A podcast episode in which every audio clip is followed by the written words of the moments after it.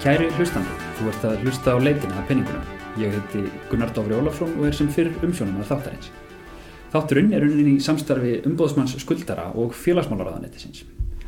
Viðmælendur þessa þáttar eru Sigurður B. Stefansson og Svandís Rún Ríkarsdóttir. Þau standa saman að útgáfu bókarinnar Hlutabref á heimsmarkaði, eignastýring í 300 ár. Verið velkomin bæðið tvöða.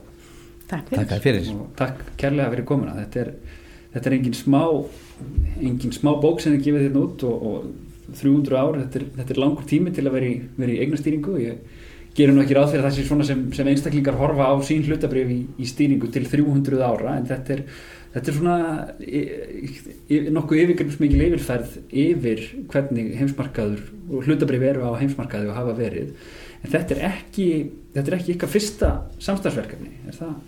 Þið gáðuð út hérna bók lesið í markaði fyrir nokkrum ára.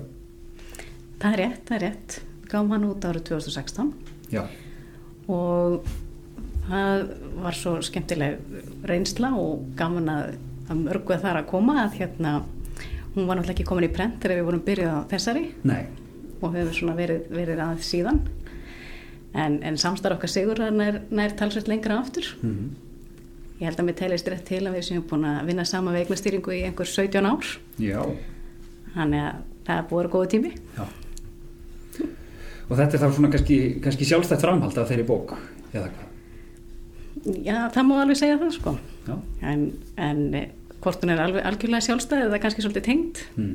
það er ýmislegt sem að kannski skarast þó að viðfangsefni sé ólík Já, fyrri bókin lesið í markaðin, hún þar, þar erum við að fjalla aðalega um hvernig allar þessar mismunandi aðferðir við fjárfestingu í hlutabrifum verðu til Mm og hvers vegna þær eru svona mismunandi. Það eru sem sagt við í eignastýringu eða, og, og fjárfestingu í hlutabrifum eru tveir helstu skólar og annars vegar eldri gamli skólinn sem við kallum klassiska skólan sem á upprönnu sinn á Wall Street á árónum í kringum 1900 og jafnvel fyrir 1900 já, það voru aðferðina sem, sem hérna gömlu fjárfæsendar á, á Wall Street notuðu og uh, uh, þær þróuðust út frá því að, að kaupallastreymillin var bara lesin þegar hann, þegar hann hérna flætti út úr tækjónum Mhm. þetta var bara gatastreymil og, og alveg ótrúlega tækna geta lesið breytingar á hlutabröðverði af honum þetta hefur bara svona verið svona halgilt morstæki eða eitthvað svo það, það, liggur við sko að, að minnstakosti í, í, í augum hérna okkar nútímamanna sem, sem sjáum bara allt á tölvuskjó. Já. getum fengið kort af hlutabriðum og, og á hverju augnabliki þannig mm mm. en sem sagt þessar aðferðirnar, já þetta er gamli klassíkskólin og, og, og þetta mei, þetta voru megin aðferðirnar sem voru notaðar við e, fjárfestingu í hlutabrifum og í eignastýringu alveg fram yfir miðja síðustu öld. En á árónum frá 1950 til 1970 þá komu fram uh, uh, aðferðið sem byggðist á tölfræði og stærfræði uh, og háskólamenn í, í Chicago má segja eiginlega uh, settu fram hugmyndir sem litur til alveg kollsteipu í, í eignastýringu okay. og alveg nýr skóli kenninga spratt upp uh, sem er kallað nýklassíski skólin og það er eiginlega hann sem er notaður við eignastýringu að lang, lang mestu leiti allstaðar í heiminum núna og er líka kendur í, í háskólum þar sem eignastýring er kend mm þannig að við höfum lagt tölvöld mikla áherslu sérstaklega í fyrir bókinni en örlítið í setni líka að gera greinarmun á þessum tveimur mikilvægustu skólum. Vegna þess að þeir eru í grundvallar atriðum byggður á, á ólíkum forsendum og, og þær stangast með þess að algjörlega á að sömuleiti og, og, og þeir hafa þessi mismunur hefur þess vegna já, kallað á e, miklar deilur og jafnvel sko liggur við handalumál og stríð. Hér að vísu ekki núna nýlega en, en, en á, á fyrri áratugum sko. ok, þannig að það er ég held í okkar höfa mjög mikilvægt að fólk kunni mismunin á þessum tveimur helstu skólum. Af því annars er eiginlega ómögulegt að skilja uh, hvers vegna uh, einn gerir þetta og annar hitt. Akkurat. Og, og, og ná annarkvort árangri eða ekki árangri. Og því hafið því kannski, kannski áður en við förum út í þetta bara svona segið, segið aðeins frá sjálfum ykkur, hvernig hver er ykkar, hver er ykkar aðkoma að, að, að peningum og fjármálum og fjárfestingum og eignastýringu gegnum tíðina? Já, ég starfa í dag sem sviðstur eignastýringar hjá Brú Lífyrirsjóði mm -hmm. og, en hef starfað semst við eignastýringu núna í eh, 17 ár. Og lánast það að vera starfandi í, í þá þessu frábæra fagsviði og svona eins og Roy Rogers, búin að vera í þessum bransa í 17 ár. Já, man, man er breiður píluti við þegar maður fer að telja, telja saman árin. Já. eins og þetta líður svo hratt Akkúrat. eins og alltaf. En hérna, og það eru greiðlega fjármunir þar undir eins og í, hjá lífeyrissjóðum hvað er þetta, ertu með, það í kollinum, hvað brú er, er umfangsmikið lífeyrissjóður, svona cirka já, við erum brúlífyrirsjóður er, er bæði um, að stýra eignum, eignum brúalífyrirsjóð og mm. lífyrirsjóð starfsmannar Reykjavíkuborgar já, þannig að þetta eru, eru samanlagt yfir 400 miljardar ekki nema. Ekki nema. Já, En þetta, já, kerfi, kerfið er stórt og þetta eru miklir fjármunir og hagsmunir þarna undir. þannig að það er það er gott að, gott að vera með, með þetta allt saman á tæru í, í þessu. Já, já, já, algjörlega. já. en Sigurður, hvernig, hvernig svona hvernig kemur þú nálat fjármálum? Um, ég, já það ég eiginlega get nú sagt að ég hef næstum því ekki komið nálat neinu öðru sko.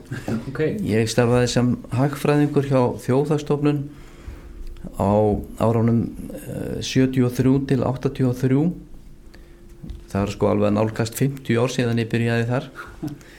En ég uh, var síðan í hópnum sem stopnaði Kaupþing árið 1982 já, og ég starfaði þar sem, sem hagfræðingur og meðlarnis á sveiði gældreismála uh, og við stopnaðum vikuriti vísbendingu sem en þá er nú gefið nút held ég. Akkurat undir, undir hatti kjarnan já, já. já, já tím uh, vikuritum efnagsmál og, fjármál. Mhm. og ég var reittstjóri þess í þessi þrjú ár sem ég var þar frá 83 til 86 en þá tók ég við sem framkvæmdastjóri verðbreyfa markaðar eðinaðabankans sem eðinaðabankin var þá að íta úr vör. Síðan 1990 þá kom að samruna fjór bankana uh, og, og, og, og þá þannig var Íslandsbanki til og eftir það hétt fyrirtækið verðbreyfa markaður Íslandsbanka eða VIB sem síðan eftir árið 2000 eða það var 2002 held ég eh, breytist í eignastýringu Íslandsbanka sem, sem er ennþá notað í dag. Já. þannig að ég var, var hérna, hjá Íslandsbanka í, í einn 25 ár 20 ár sem framkvæmdastjóri tæmlega og 5 ár sem sjóðstjóri við Svandi stáruðum saman þar að stýringu Vogunarsjóðs sem hér Reykjavík Global. Uh, og stýrðum honum einmitt í gegnum hrunið svo kallaða 2008 og svo stopnum við okkar eigi fyrirtæki árið 2009 og við vorum rákum það saman til, til ásins 2011 en, en þá e, þá hérna keifti landsbankin það fyrirtæki og, og ykkur með? og okkur með eiginlega þannig að við fluttumst til landsbankan þar sem við störfum svona eitthvað í kringum fimm ár. Þar til Svandís tók við sínu núvarandi starfi og, og ég líka við mínu núvarandi starfi sem er, sem er bara eh, já, ég er núna komin á mín efri ár og minn bara hjá sjálfum mér. Já, fjárfæstir fyrir sjálfa þig og skrifa Já. bækur og mætir í hlaður eitthvað svoleiðis. Já, það er ágætt. Um,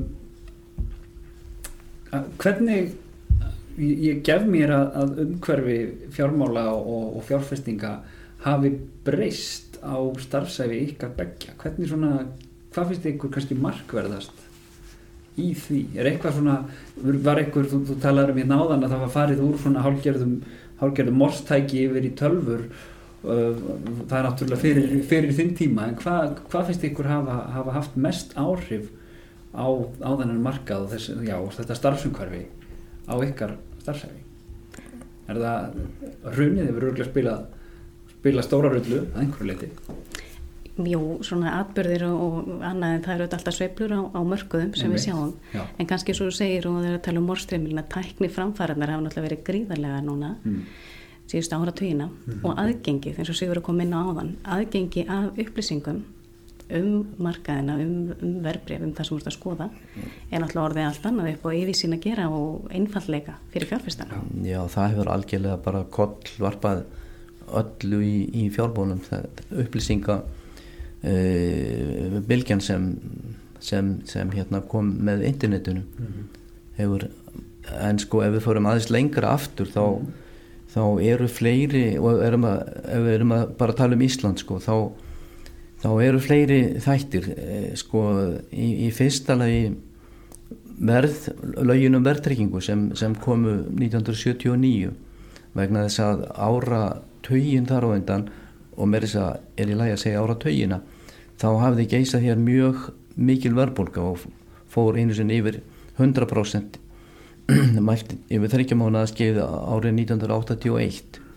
þannig að verðtryggingarlögin hvort sem henn eru með það móti verðtryggingu hún lagði grunninn að því að hér var hægt að byggja upp fjármálamarkað. Það hafði verið gefin út spariskiptinni ríkisjós frá árunnu 1963 og þau voru allan tíman verðtryggð. En svo eftir 1980 þá hægt og hægt uh, með, já það var sko fjárhundingafélag Íslands hafði verið stopnað 78, kauping 82 og hægt og hægt upp úr þessu byrjaði að byggjast markaðar fyrir skuldabref uh, markaðar fyrir hlutabref kom, já við, við byrjuðum 1985 með stopnum lítils fyrirtækis en það var eiginlega fyrir 1992 sem uh, þegar hérna, fyrirtæki tók að skrá hlutabref sín á verbreyfaþingi Ísland sem núna heitir Kaupöll Íslands mm -hmm. sem hérna, þau viðskiptu fóru nú á skrið þannig að þessir stór áfangar verðtryggingin og, og upphafið á fjármálamarkaði á nýjunda áratögnum eru mjög stórir meðbörðir sko og svo að það sem Svandís nefndi sko þessi ótrúlega upplýsingabilding sem sko byrjar kannski með 12 væðingunni upp úr 1980 Já. En, en raunverulega fyrir á flug eftir 2000 þegar, þegar internetið byrjar að bregðast út að marki. Mm. hvernig, hvernig horfir það við það? Því það það er stundum talað um að, að vandamál vandamál nútíman sé ekki það að það sé ekki hægt að hérna, að upplýsingarna séu ekki, ekki nóg aðgengilegar heldur að geta lesið úr þeim og greintar er það þá kannski orðið, orðið meira viðfangsefni að, að geta metið hvaða er sem raunverulega skiptir máli í öllum þessum upplýsingum? Algjörlega, algjörlega. Þetta er orðið þetta þannig þetta er mjög mikið sem er í bóði mm -hmm. og þú verður svolítið að velja hvað er það sem þú ætlar að horfa á Já. og eftir hver ætlar að fara og svolítið að setja upp fyrir þig þínar að fyrir þínar leiðir. Og, og ekki láta tröflast of mikið af einhverju sem kannski skiptir minna máli sumir hafa gengið svo langt sem er einna harðastur í þessu að fréttir og annað með bara eiginlega ekki horfa á því það hefur svo mikið tröflandi áhrif. En, en það er þetta þeir allra hörðustu sem vilja bara horfa á hvað markaðurinn er að gera. Já. þeir sem er að vinna á hlutabrjámarkaði segjum. En þetta eru allar mismunandi skoðanar af því og eins náttúrulega komið inn að það til að mynda í, í bókunum mismunandi kenningar og, og aðferðir. En það skiptir bara rosalega miklu máli að hafa góða yfirsin yfir það sem þú ætlar að gera. Mm -hmm. hva, hver er heildastefna markaðsins? Og geta það sett upp með skipilum hætti þín vinnurskjöl og annað tekið upplýsingar sem þú ætlar að nýta þér settar upp þannig að þær veiti þér þá sínt sem þú þarft yfir það sem er að gerast. Þannig getur nýta og farið síðan eftir því sem þú orðin ákveða að gera. Já. Er það ég get ímynda mér að það er sko, fyrir einhvern sem er ekki dagstaflega að velta fyrir sér fjárfæstingum er það ekki alltaf erfitt að, að, að fylgja þeirri, þeim kúrsum búin að setja þegar, þegar einhvern veginn umhverfið segir kannski við þig ekki gera það en svo á endanum hefur við hefur ekki rétt fyrir það Já, mér finnst þið vera búin að hitta naglan mjög vel á höfuðið sko, Svandi sagði þínar aðferðir og þín leið. Mm -hmm. uh, það er það sem skiptir megin máli. Hver og eitt fjárfæstir, hvort sem hann er enga aðili eða fjölskelda eða lífyrísjóður eða tryggingafélag ég held að sé mikilvægast af öllu að, að koma sér niður á tiltekna aðferð mm. hvað sem hún er þetta reygin frá klassíska skólunum eða nýklassíska og svo framvegis eða, eða blöndu á þeim tveimur sem ég held að sé nú allra best en það skiptir megin máli að halda sig við sína leið mm. og þeim sem tekst það eða sé það gert þá er líka miklu auðveldar að, að komast í gegnum upplýsingaflóðið sem er alveg nákvæmlega svo sæðir á það það er svo mikið að ef maður hefur ekki e, græjur í kollunum til þess að, að greina úr því það sem maður vill e, horfa á mm -hmm. sem, sem fæst sko með því að vera með því að fylgja aðferðinu sem maður ákvaði í byrjun. Ef maður hefur þetta ekki þá, þá drukna maður í upplýsingum alveg. Já það, og þá, þá er allar þessar upplýsingar bara orðnar skadlegri heldur en hitt nánast, það er allavega ekki gaglegar Já, já það er mest að fyrst engin vandi að, að hérna bara fara út á flott út á rúmsjó sko sömur bara sitja við skjáðun og horfa upplýsingar allan daginn og gera ekki neitt sko. Nei.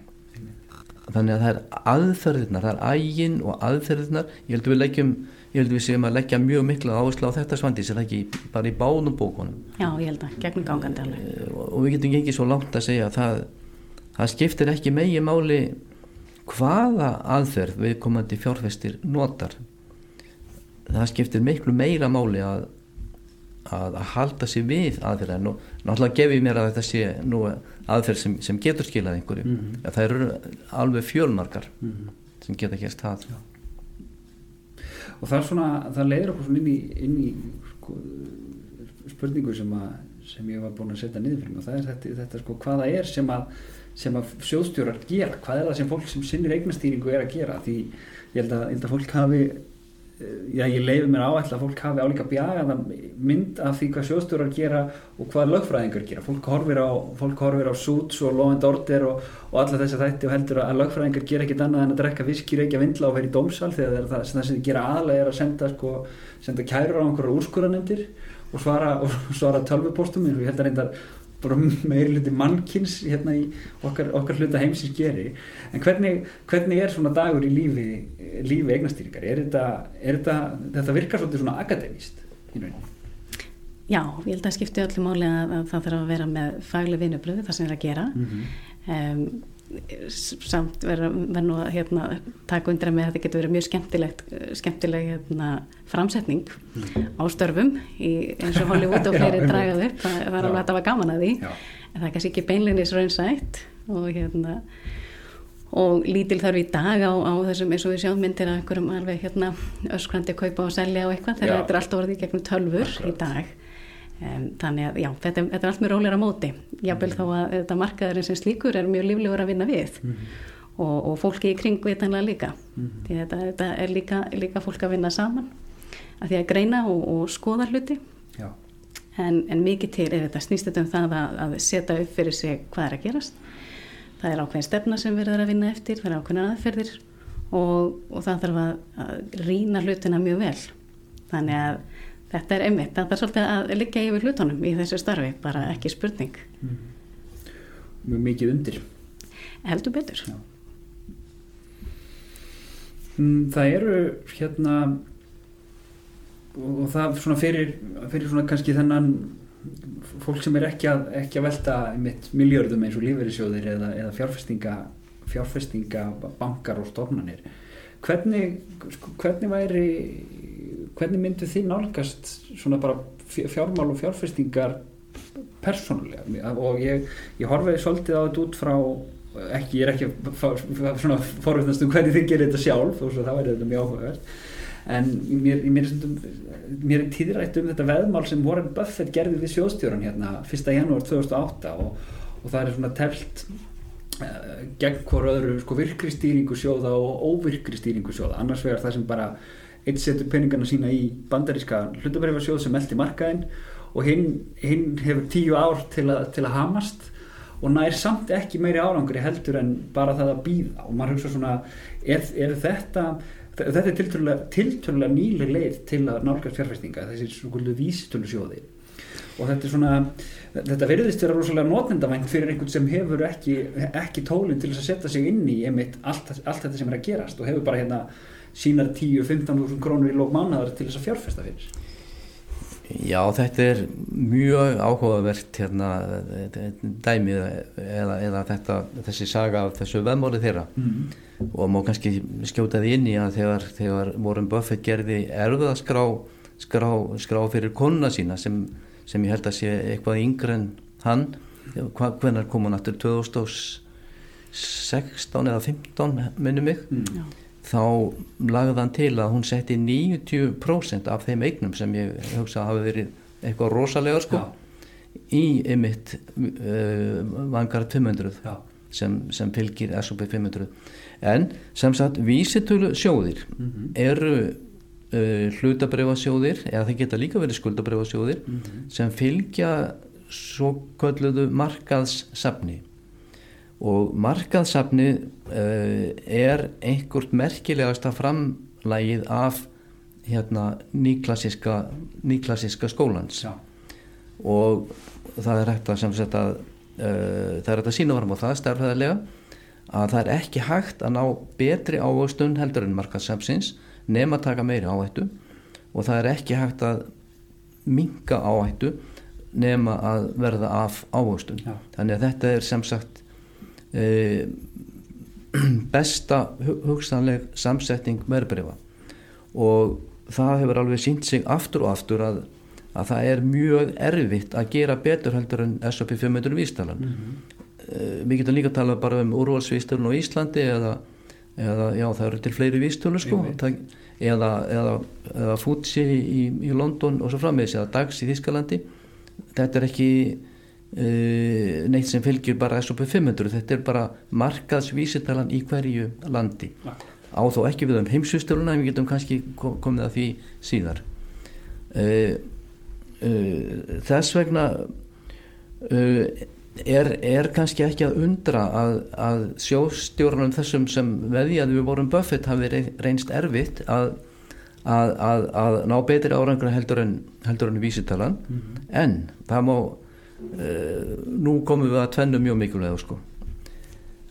annað atriðið er og Svandís var bara að fletta þessu upp núna rétt áður við mættum hjá þér að af því að veðmálið hófst á þessu óöfðulegum tíma mm -hmm. í janúar 2008 mm -hmm. sem satt bara kortir fyrir hrun getur við sagt ja. þannig að hann, hann, hann var í mínus allar götur það til 2012 eitthvað á fymta ár mm -hmm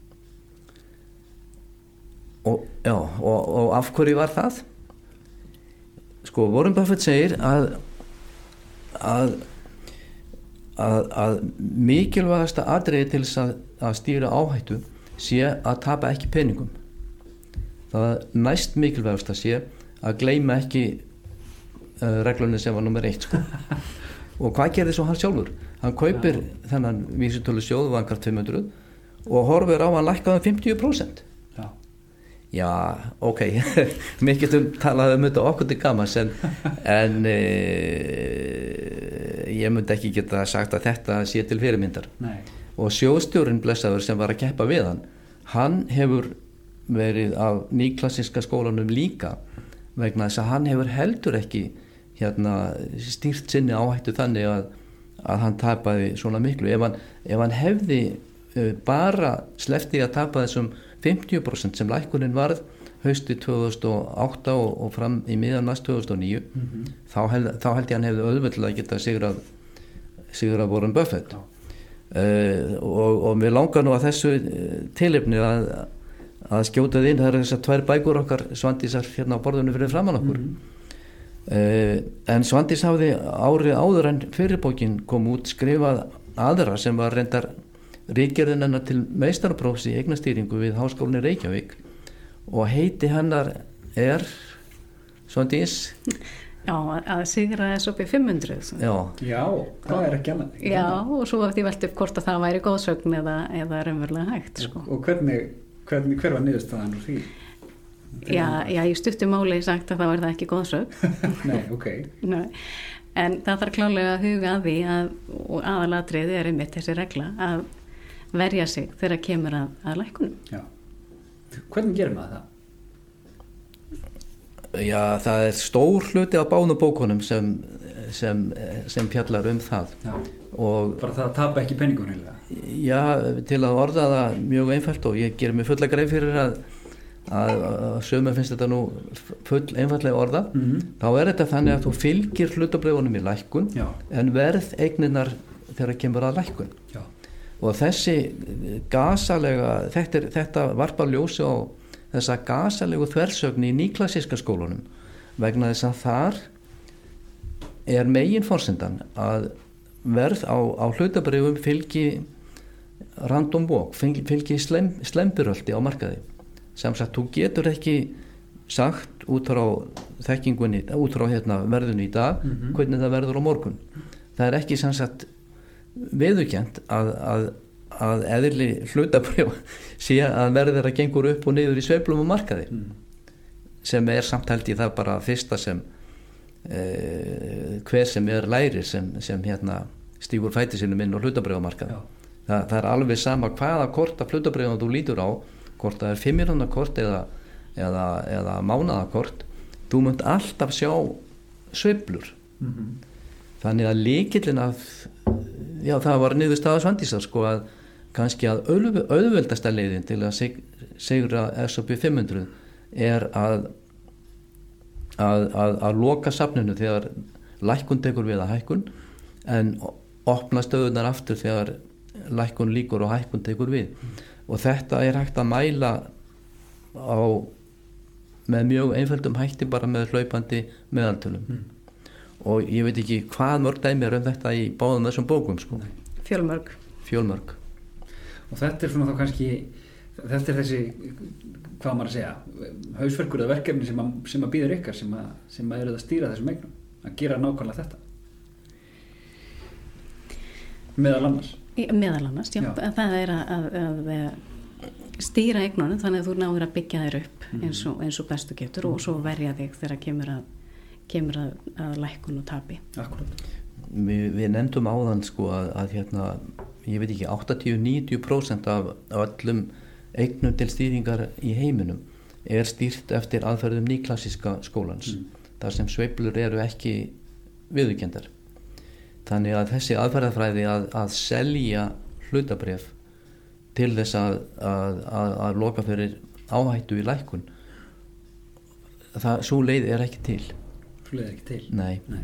Þannig að í, í, í nýri bókinni hlutabrifum á heimsmarkaði e, fórum við svandis á leið að greina hlutabrifasöfn eftir stærð og það má alveg vissulega að segja að, að við skulum segja stórir lífyrirsjóðir jafnvel þótt þeir uh, jafnvel þótt þeir vildu og uh, fylgja þeim aðferðin þar sem, þar sem hérna hlutabrifun eru seld úr safni þegar það kemur að lækun þá, þá er það tæpast gerlegt í, í svo stórum söfnum en í já við skiptum þessu í við skiptum söfnunum í, í þrjár stærðir uh, eftir tímalengt stuttasafnið, millisafnið og, og löng, löngsöfn mm -hmm. við fjöllum raun og verið ekki um, um þessi stystu en, en, en í millisafninu sem er kannski, getur verið safni eigu fjölskyldu eða stóra fjárfesta eða eitthvað í þeim dúr Mm -hmm.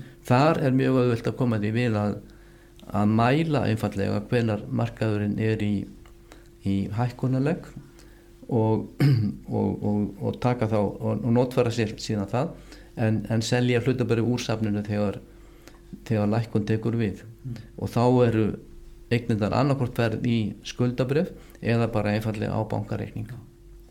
Og það sem að er það svona rétt, rétt áleitun hjá mér að það sem að stoppar stóru sjóðin að gera þetta er að það væri bara einfallega of mikil áhrif af því ef að, ef að lífyrirsjóðu að fara að selja hérna 400 miljardar hlutabrifum á þriðju degi það myndi náttúrulega ekki, ekki ganga ekki, ekki einu skrefi og, og sérstaklega ekki á, á okkar einlenda markaði sem Nei. er ekki stærri en hann er. Nei, að það eru nú oft talað um um þetta að stóru fagfjárastöndar og ekki síðan lífyrirsjóðni séu mjög stórir og hafi sín áhrif mm -hmm. um, og einlenda markaðanum er þetta alveg útlökað já, kemur ekki til greina þar sko. ekki, sem, ekki þannig að það sé hægt að bara snúa öllu við á, á einu korteri okay. en auðvitað er ímislegt að þetta gera á lengri tíma en, en það er auðvitað bara allt, allt annað handleikur þegar að kemur að því að horfa út á, á alþjóðlega markaðin sem er svolítið mikið með umfjöldunarfni líka hérna í bókinni. Akkurát.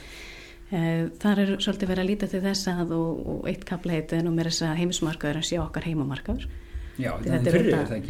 Já, þetta Já. er þetta bara orðið svo nálagt í dag. Mm -hmm. Öll þessi uh, tækni sem við nefndum áðan gerir það kleift og þetta er mjög, orðið mjög auðvelt að eiga viðskiptið þar og, og já, einfalt að kaupa og selja þar uh, fyrir já, bæði stóra og, og litla aðila. Aðgengi er orðið þannig. Eh, þar er auðveldar að gera reyfingar þar sem að, að stóri fanfjörustur er ekki jafn stórir að hafa ekki jafn mikil áhrif. Það er þetta kannski meira svörum þar að mista kosti. Og er þetta þá erlendu markaður? Þetta, það, það, það hefur lengi verið talað um sko, þörf til dæmis lífverðisjóðina fyrir, fyrir að fjárfesta erlendis að þeir séu bara orðin það stórir á, á íslensku markaði. Þeir eigi, bara ábyrðalust tal, þeir eiga mjög stóra hluti í, í bara flestum skráðum félögum á Íslandi. Það er bara topp top 5, topp 10, topp 15 eru yfirleitt bara lífverðisjóði mm. þannig, þannig að það er þá það er þá mikil þörf fyrir þá að fara fara úr landi, er það ekki? Já, algjörlega, mikil þörf fyrir það að, að, að það sé pláss í eignasöfnunum fyrir erlenda fjárfestingu mm. til að mhm. koma inn að samaskapi hvaða, hvaða áhrif hefur það ef til dæmis lífverðisjóður eru orðnir, er alltaf að tala um þessi orðnir ofstórir hlutafari á íslenskum marka þeir eru orðnir allavega sko, það, það, það gildislega að tala um ofstórir þeir eru orðnir sko, mjög stórir, yfirgnæfandi, meiri hlutægendu kannski félag, hvað er það líklegt til að hafa, hafa einhver áhrif sem eru ekki æskilega eða hvernig, hvernig virkar þetta? Já, ég, já, ég kannski ekki alveg hlutlega sé að dæma það, ég er nákvæmlega hvernig, hvað, nei, hvað er rétta hlutfallið eða hver rétta stærðin er en, en, en vitanlega er er eh, best þegar að eignahaldi getur bara verið törverð fjölbreytt og það er svolítið svona dýft í því. Við veitum það að þetta okkar litla markaði það er kannski ekki hjá því komist að já, stórir aðilar á markaði eins og lífyrsjóðinni séu stórir. Mm -hmm. en það er kannski líka að horfa þá til þess að á bakvið lífyrsjóðina eru, eru almenningur. Mm -hmm. þetta eru náttúrulega eignir almenning sem verður að fjárfesta fyrir. En, en vitanlega já, ég, þessi, þessi umræði kemur gætan upp og það eru alltaf spurningin hvað er hvað er rétta, rétta nálgunin varandi þetta mm. en uh, sé, sem mest breytt er, er ákjásanlegust. Já, ég held að sé uh, ég held að sé ekki mjög mikið deilt um það sko að, að vöxtur lífyrsjóðana er svo mikill og að, að það verður ekki hjá því komist að það er dreifið eignum sínum til útlanda mm. þetta er sem betur fer ekki held ég mikið deilumála á Íslandi ég held að eignum það séu í, er það ekki sondis, í kringum 35% að meðaltalinn sko? Já, ef litið yfir, yfir heldina Já, yfir, yfir heldina, eitthvað í kringum 35 Já. Eftir hafta tímabili eh, þarna frá, frá november 2008 framöndur 2017 þá hafði þetta síið niður undir 20% 20 til 22, einhverstað þarum bil. En, en hefur síðan á þessum hvað, fjórum árum vaksið upp í 35-36% og við, það er kapli í bókinni sem fjallar aðeins um þetta. Við, við, við gerum þarna framreikninga sem hafa nú verið önnur á, á fleiri stöðum áður sko. Það er ekki okkar, okkar viðfinning neitt en bara til þess að, að sjá þetta aðeins betur í hendu okkar. Og ég held að, að, að sem sagt þarna Eh, lífyrirsjóðunar eða, eða bara við öll sem eigum lífyrirsjóðuna og ráðamenn eh, eigi að horfa á það alveg uh, áhyggjulust að, að, að, að ellendar eigni geti farið í 50% og, og jafnvel aðeins meira en það mm -hmm. vegna þess að með því móti erum við að ná miklu meiri eignadreifingu og, og, og jafnvel að nýta miklu meiri tækifæri heldur en gefst í landi sem er með minna en 400.000 íbúa. Akkurat, maður hugsaður með til þess að, að sko um, íslenskur, það er talað með um íslenskur hlutabröðmarkaður sem grunnur og það er ekki sem því að það eru, það fáir á honum og það eru lítil viðskipti og, og, 20 félög. Akkurat, og, og hérna meðan SOP 500 stendur bara fyrir sko, standardstupúr 500 stærstu fyrirtækin í bandaríkunum og þá er, sko, þá er nóg eftir að það eru tvær aðrar vísitölur Já. sem er Dow Jones og Nasdaq bara svona sem maður fyrir leikmannin sem eru, sem eru þarna líka. Þannig að það er, það er miklu meira í bóði þar en það, hugsunin er líka sko það er, það er Ísland eru þetta eins og þú segir segurður örmarkaður. Ef, eitthvað, ef, það, það högtir eitthvað hér eins og, eins og bara við höfum séð núna undir höfnum árum þá, þá getur allt farið í frost. Þannig að það að dreifa þessu út í heim virkar einhvern veginn bara mjög gáðulegt Ég held að til allra hamingi þá, þá, þá held ég að sé ekki mjög skipta skoðanur um þetta mm. hér á Íslandi. En við, við erum líka að leggja mikla áherslu á að, að það þarf að hugsa um þessa eign sem er aðalega í hlutabrifum á, á hérna alþjóðlegu markaði sem sem erlenda eign sko mm. ok, hún er mælt kannski í uppgjörum lífverðisjóðuna í Íslands krónum og áherslu getur þá verið mjög há eða mjög lág ef það kemur til einhverja söfla í gengi krónunar en, en þetta er sem sagt fyrst og fremst eign á ellendu markaði sem og það þarf að mæla áhersluðuna í, í, í dollurum eða þá mögulega einhverju annari ellendri mynd mm. og nærtækasta dæmið held ég sem við getum nú haft að leiðaljósi og við uh, það er nú heilt kabli bókinni tekin undir það mál, það er norski lífeyrissjóðurinn fyrrum sem var áður norski oljusjóðurinn og myndaðist við e, eh, gífulegar tekjur normanna af, af, af oljulöndum þeirra mm -hmm. En nafninu var síðan breytt hvað fyrir svona fimm árum var það ekki eða, eða kannski lengra e, í, í norski lífeyrissjóðurinn. Hann er allt öðruvísi heldur en íslensku lífeyrissjóðurnar að þýla þetta til að það er engin ein, einstaklingur sem á tiltekna eign eða réttindi í sjónum heldur er allur sjóðurinn samegn allarar þjóðurinnar Já. í öðru legi þá er hann allur 100% bara ávastaður utan Noregs. Og í þriðja legi þá hafa norðmenn eh, einsett sér að allt sem lítur á þessum sjóði þar að segja stjórnun hans og, og stýringu uh, sé til stakrar fyrirmyndar. Já. og þeir hafa raunveru að mínu veiti við fjallum aðeins um þetta bókinni sko, náð því marki. Og það væri mjög ánægilegt ef, ef, ef Íslandingar uh, já, leituðu til uh, frænda okkar ef þeir eru þá eitthvað skildur okkur í, í Nóri til þess að, að, að læra svolítið af þeim sko. Þeir, þeir hafa ekki sem sjóð með uh, eftir kenningum nýklassiska skólans hann, hann er mjög stór en, en, eh, en kostnaðurinn er, er mjög lár og reksturinn til hreitnar fyrirmyndar mm. Þú talaður um Sigurður áðan að, hérna, að það væri að kaupa í vísitölum í, í, í löndum Futsi og Dags og fleiri en þú talar um að heimsvísitalan hún, hún virki ekki þannig hvernig, hvað, hérna, hvað þýðir þetta? Já, það sko, þeir sem eru vel að sér í, í hérna, fjármálafræðinu og kenningum nýklassiska skólans, þeir þekkja mjög vel uh, þessa uh, niðurstöðu að, að markaðsafnið í hverju landi felur í sér bestun á samsetningu uh, verbreyfana, þar að segja þetta þetta getur áttu í bæði hlutabrjámarkað og skuldabrjámarkað það er mjög aðtiklisverð sko að hefur verið gerðað mikla ræðsóknir í bandaríkjónum að það er alveg jafn erfitt að segra skuldabrjávístulur eins og, og hlutabrjávístulur það er bara minna að tala um það. E, en en að baki e, þessum kenningum e, og þessari rauksemtafærslu e, liggur sem sagt hlutabrifa samsetningin í hverju landi. Þegar við komum, í, þegar við komum að heimsmýstölni e, þá lendum við í því til þess að geta reiknað út sko eina vísindölu þá verðum við að færa allt yfir í ein, eina mynd mm.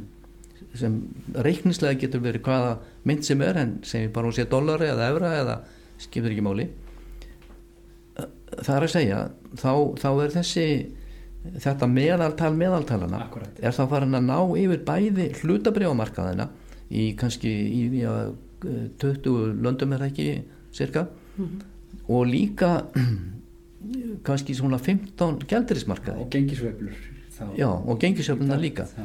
og ég held ekki að kenningar nýklassiska skólans sé hægt að tegja yfir þessa uh, samsetningu.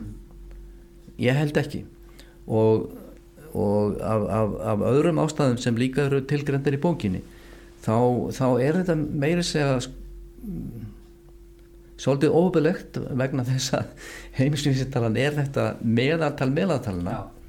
og uh, menn eru þess vegna uh, stórir fjárfæstar bara nefnum ekki nöfn bara mjög ánæður þeir bara uh, gerðu miklu betur en heimsvísintalan kannski bara einu prósenti herra eða tveimu prósentum eftir kostnað Já.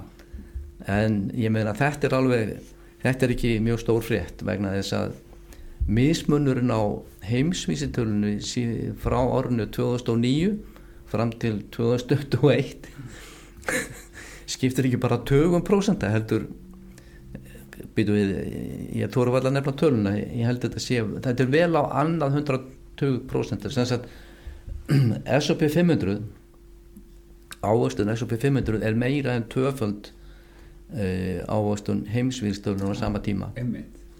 og uh, þá kannski komum við að öðru mjög mikilvæg atriði svandi sem við vildum nefna þar að segja hlutvarslegan styrk algjörlega, algjörlega er auðvitað vegna bara- þess að við, við áðan tölum við aðeins um þessa miklu hættu sem meðal hans vorum Buffett lendi í í keppninu við uh, sjóðstjóran hinn Mhm. og byrjaði á því að tapa 50% hinn leiðin til þess að verða af dýrmættur ávöxtun er, er einmitt að fylgja ekki hlutarslegum styrk.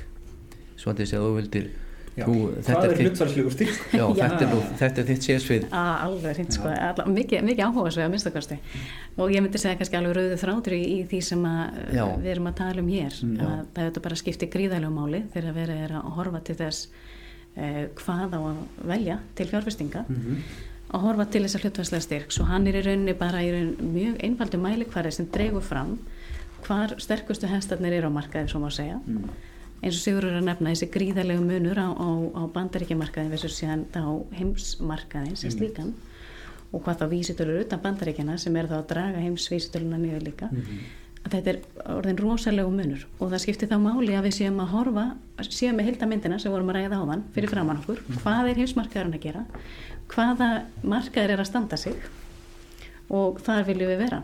Og síðan þá þarf líka áfram að fylgjast með því þegar eitthvað fyrir að breytast að bregðast þá við því til þess að vera alltaf þar sem að styrkurinn liggur. Akkurat. þegar ég veit að þá ekki vera að tala um myndir í, í Í, hlaðástætti í útvarpi hérna. Já. en, en ég get ekki stilt með um að sína þið mynd sem er á blaðsíðu 26 í Já. bókinni uh, en mynd segir nú oft meir um þúsund orð en við getum reynd að lýsa henni Við smellum henni bara hérna upp með þettin. já, Já, og það er, efsta línan sýnir ávöxtun S&P 500 já, hún er, hún er svona, svona skær bleik og, og veður alveg upp hérna. já, miðjan er, er þessi blessuð Já, er, já, og neðsta línan er þá hlutabrif ríkja utan bandaríkjana einmitt. Og þetta er eins og segja, meðaltala meðaltalum. Heim, heimsvísitalan er það já. Já, og, og, og þú vilt kannski lýsa betur fyrir hlustendum að, að, að mismunurinn á þessum þetta er frá 2009 held ég.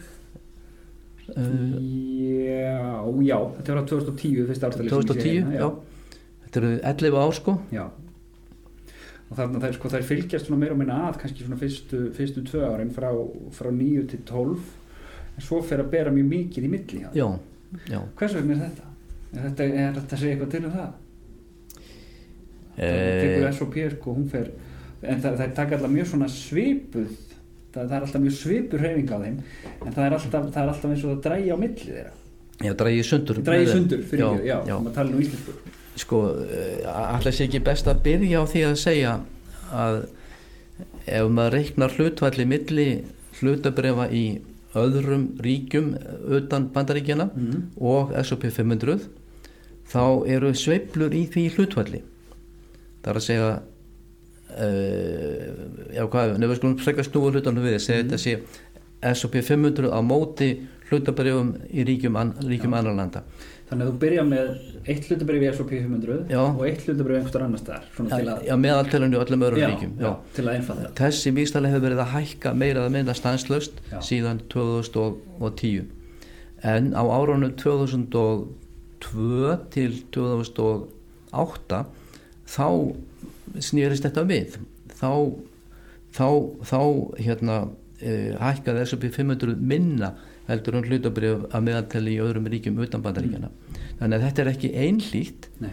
og þess vegna eins og Svandís var að nefna áðan uh, já, hlutvarslegu styrkur er eiginlega bara styrkleika hlutvall milli hvaða tvekja vísitalna eða, eða hlutabrifa sem þú vilt Mm.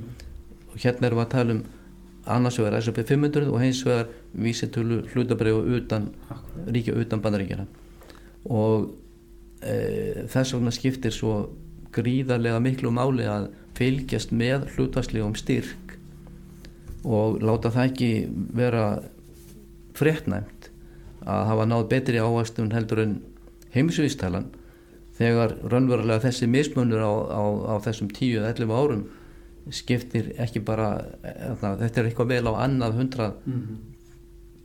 Akkurat og, og aðeins sko, þetta, hlut, þetta, þetta sem þið talaðum hlutvallega styrk uh, þetta er, er það ekki rétt hjá mér þetta eru svona kannski helstu breytingarnar sem eru gerðar á þessum, þessum sjóðum eins og S&P 500 Vanguard sjóðnum. Að helstu breytingarnar sem verða á honum er að tryggja það að hlutabri- að fyrirtækin sem eru endurspegluð í þessari vísitölu þau séu í réttum hlutföllum við stærð sem gerir það að verkum ef ég mann rétt að Amazon er orðið svona 30% af þessu eða var það á einhverju er það, þetta er hlutfallegu styrkur innan SOP er það ekki, eða er ég, er ég núna algjörl út að þengju pínu lítið, já. Já já, flott. Þá, þá skulum við koma mér aftur inn á, inn á sporið. Hvað eru að horfa á þar? Já, þá erum við að horfa á stillinguna á útreikningum á vísitölunni Mm. sem slíkri.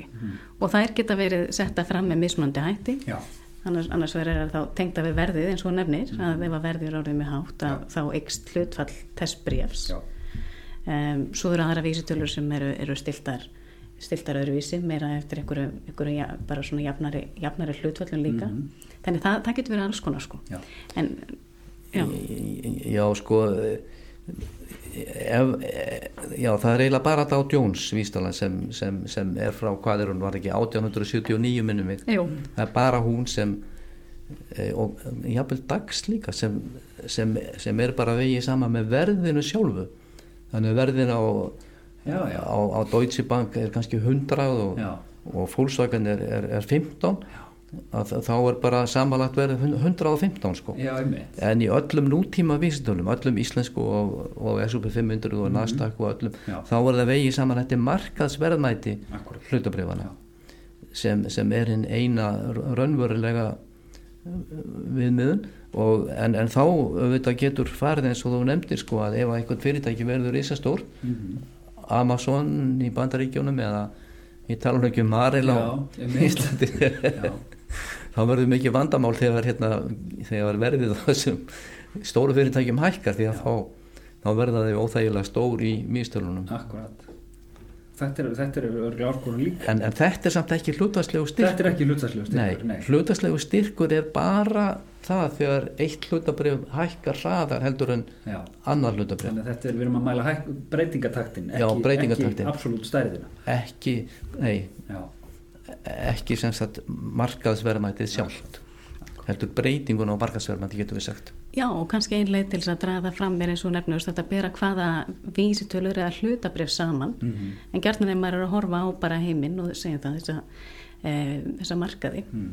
og setja þá til samanbyrðar við S&P 500 þá er alltaf hægt að sjá, ok, er þetta að hækka, hækka eða lækka samanbyrðu við þessa vísitölu einmitt.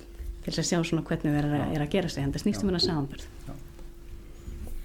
Ég held að megi segja til dæmis, þú þekkir þetta miklu betur sandís, að íslenski lífeyrissjóðir eh, svona yfir línuna séu með tölverð mikla yfirvikt á bandaríkin hafi verið það á síðustum árum. Er þetta ekki rétt tilfinning?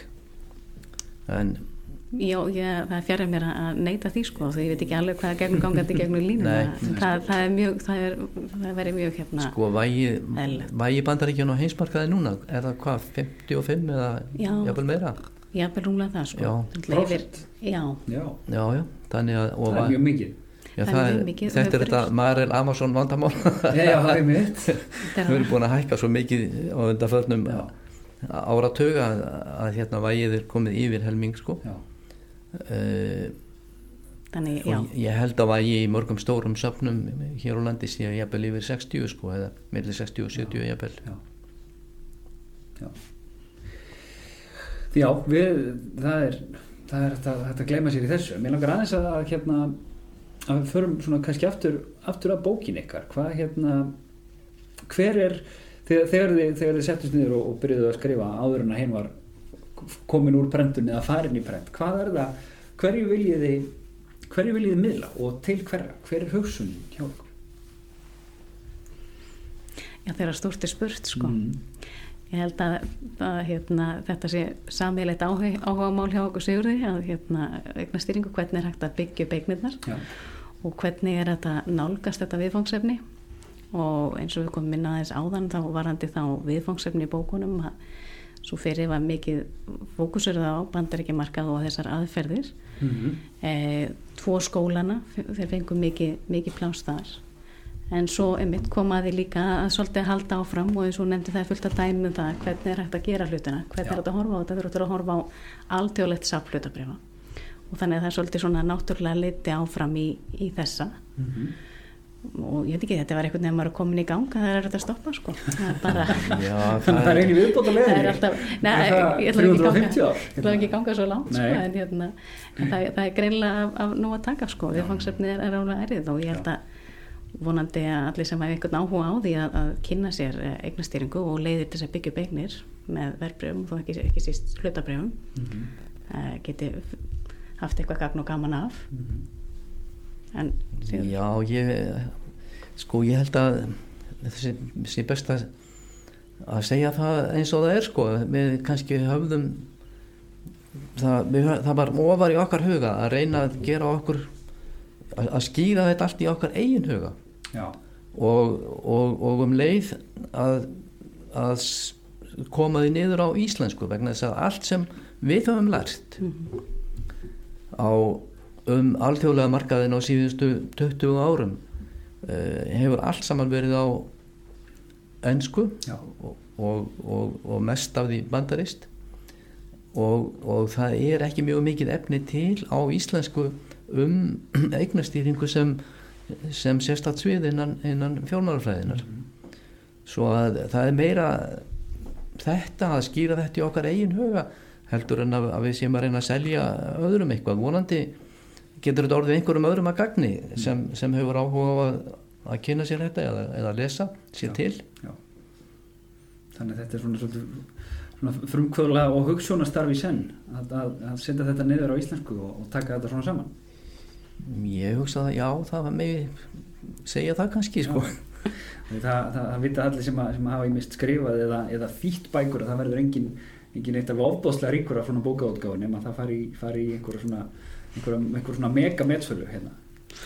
já, Ég, já, ég held að við, er það ekki að vera einhver, einhver á rosaleg hérna, spennusaga er já, ég held að við getum alveg sagt eins og er, sko, að við, við höfum það nú alls ekki í huga. Nei, nei. Þá höfum við notað tíman öðruvísi. Já. Það eru hérna svona fyrir, fyrir leikmannin það eru, það eru tveir tveir kaplar sem við höfum svona sumuleiti hérna kannski rætt þann, þann fyrir sem ég voru að hugsa og það er þetta, þetta að, að tímasetja markaðina því það er, það er oft allavega þegar fyrir fólk sem að, sem að er ekki á hverjum degi í því að, að stýra sínu eignasafni að það sé erfitt að það, það, þú, þú, þú eigir þegar þú ert bara svona, svona áhuga fjárfestir og ert, ert að reyna ávaksta þinni mitt svona kannski 10-15 þúsund kall í lók mánaðar að þá getur þú svona allt að því glemt því að reyna að, að se, kaupa á réttum tíma það aðalatrið sé bara í rauninni að kaupa það er þessi, þessi skóli sem þú talar um hérna Nýklassíski Já. skólinn, já. Og hvernig, hvernig sko, verða, er, verður svona eðlisbreyting á þessu þegar fólk fer úr því að vera bara með sinn svona engaspartnað og, og, og vill reyna að halda, halda áhættinu í lámarki yfir í það að vera svona fjárfestir með, með, með miljarda eða mörg hundur miljarda undir? Hvernig, hvernig þetta blasir við? Eða eiga sömu lög, gilda sömu lögmál? Um, já, það, uh, það gilda nú held ég að, að, að miklu leiti sömu lögmál, en þú nefndir sem sagt að tímasetja markaðin Já, og það er þar sem skilur á milli, það er að segja sko í uh, þegar nýklassíska skólanum er fyllt mm -hmm. þá er ekki hægt að tímasetja markaðinn Nei, og ekki einu sinni ekki hægt að tímasetja viðskipti þar að segja kaup og sölu mm. vegna þess að, að markaðurinn fylgir samkvæmt um kenningum uh, slemburöldi akkurat og, og eitt tími er jafngóður og, og annar uh, og þaðan er líka komin þessi hugsun að, að með, með reglulegan spartna sko, það sem Já. þú bara leggur þína fjárhæðinn mánaðarlega mm. og getur verið uh, ég, ég hugsa bara langflestir líka byrji bara þannig sko, Mm. og, og það er ekki tægt að beta það er ekki tægt að benda á aðra betri leið til þess Akkurat en þegar verður að tala um uh, söp svona sem, já, sem við kvöllum milli söp Já, sem er Hva, hvað er það langur tími? Millisvæð já, þá erum við að tala um allt frá svona örfáum vikum upp í fá eina mánuði Já. tíma uh, prófílinn þar mm -hmm.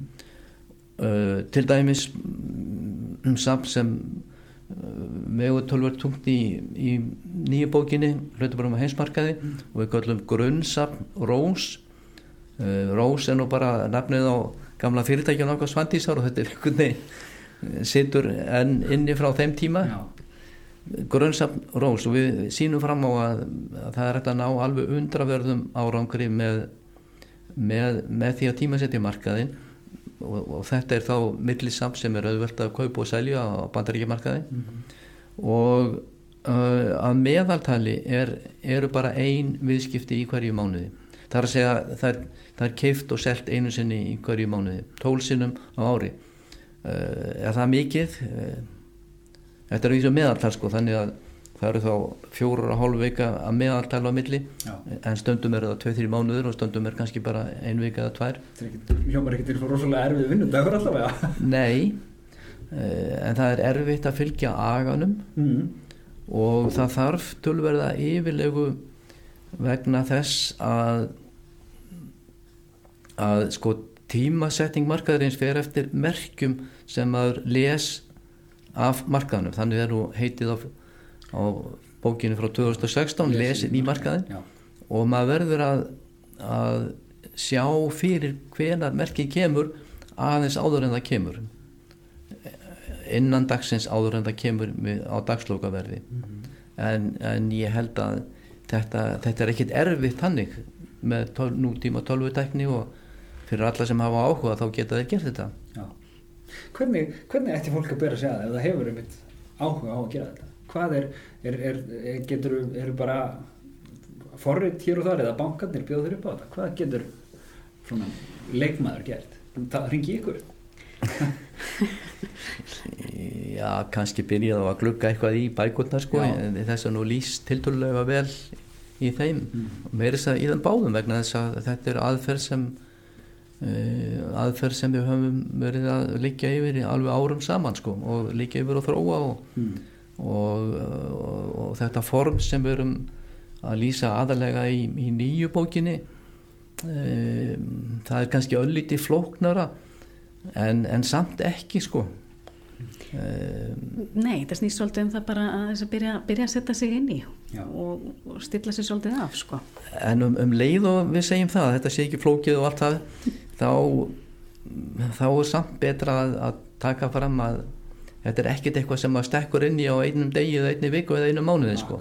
Þetta er uh, það þarf að fara mjög gætilega það þarf að byrja smátt Já, og það þarf að afla sér tölvera þekkingar. Já, og ég hugsa líka Svandís að, að sko við erum búin að velkjast í þessu saman í 17 ár sko e, þannig að það sem við lesum í markaði núna held ég er svolítið annað heldur en það sem við vorum að lesa verið 17 árum sko hvernig þá? e, hvaða sko þetta er bara svona segjum bara að þú varir í tískubransanum sko Mm og þú séð allt í hennu nýja flíkur, einhverju nýju efni og saumað á einhverjum tildöknum og hönnu og allt það. Já, Þín augu sem sérfæðings í tískubransanum sko sjá kannski allt annað út úr þessu heldur en, Mm. heldur en ég sægi sem, sem veit ekkert um, um fatasaum eða, eða tísku eða neitt svoleiði sko. akkurat Þetta er, þetta er svona þjálfun sem heldur það ekki Svandís? Jú, ég held það, reynslan og þjálfunin sé, sé bara svolítið það sem að Hægt og hægt byggist upp með tímanum sko Já, og eins og nefndi áðan sko, byrjunin er ofta að þú byrjar að leggja eins fyrir bara mánaðarlega til þess að sapna þér upp Já. og ef þú hefur áhuga þá byrjar að lesa einhverja, einhverja svona bækur mm -hmm. og til þess að setja það eins inn í og það eru dótal heimasýður líka og, og fróðleikur þar uh, eins og þess að mikið af þessum myndum sem eru þarna inn í, inn í mm -hmm. bókin er á Stocktjart sem er rosalega flott gröf til að skoða og sjá hvað er að gerast þegar maður hafa þetta vissu allt sem er mjög gott. Og svo kannski byrja maður bara eftir rólega eins og segir, það er einslan sem byggist upp. Þú kannski bara byrja með smá part og alltaf eitthvað sem að, sem að þú mátt vera án, þú mátt ekki vera gamla með eitthvað sem, að, sem er grunnurinn sko. þetta verður að vera í líkiladrið, þú ert að gera þetta með sérstaklega þegar þú ert sjálfur að fara að stað og byrja að bara lítinn part. Uh, reynir, prófar þig áfram. Byrja að kveðja peningana áður en þú setur það inn á markaði og, gera ráð fyrir að þið komi aldrei heim. Já, það, allavega í hugan í, í hugan, þetta þarf að vera þannig allan eitthvað sem þú ætlar ekki að nota næstu mánu á móti eða það næstu, þetta þarf að vera eitthvað svona langtíma hugsun. Svo er kannski líka góð hugmynda fyrir það sem á áhuga á að setja sig inn, vel inn í markaðin að lesa hvað aðrir fjárfæstar hafa gert. Mm. og vegna þess að fyrirbókin okkar á 2016 vorum við mitt að rekja aðferðirnar uppbruna aðferðana þá er þar uh, einmitt fjallað um alveg ég hugsaði nokkra tugi fjárfesta mm -hmm. og það eru sögur af þeim mm -hmm. og, uh, og og hérna, já þetta voru allt frá Dá, allt frá Charles Dow sem, sem, mm -hmm. sem Dow vístalunni kent við og og stofnanda Wall Street Journal. Allaveg yfir í kannski Warren Buffett sem er starfandi enn í dag. Já. Og William O'Neill sem er kannski helsti lærifæður okkar svandísar. Uh, í nýju bókinni þá, uh, þá erum við meira að fjalla um kannski uppbyggingu safna á uh, alþjóðlegu markaði. Mm -hmm. þannig að það er minna um svona sögur af einstaklingum þar. Þó ekki alveg löst nei, einmitt sko, við, við reyndum samt að krytta eins og við gátum sko, við vorum við sko John Maynard Keynes sem er mm -hmm. náttúrulega þekktastur fyrir framlagsið til, til hagfræðina hann er fadir þjóðhagfræðina sem, sem alla var til fyrir hans dag. Mm -hmm. en hann er e, stundum kallaður líka fadir eignastýringar. Hann var fjárfæstir hann, hann var e, stórkoslegu fjárfæstir skrifaði mjög mikið um eignastýringu og hann, hann bar ábyrð á stýringu eða uppbyggingu safna bæði í háskólanum í Cambridge sem hann starfaði sem að var já, hann, hann, hann er frá Cambridge sko. Mm -hmm. starfaði þar í 20-30 ár og svo var hann líka stjórnaformaður í, í tveimur tryggingafélugum og hann náði undravörðum árangri á þessum sviðum mm Keynes er, er, er, er stórkostlegur maður og, og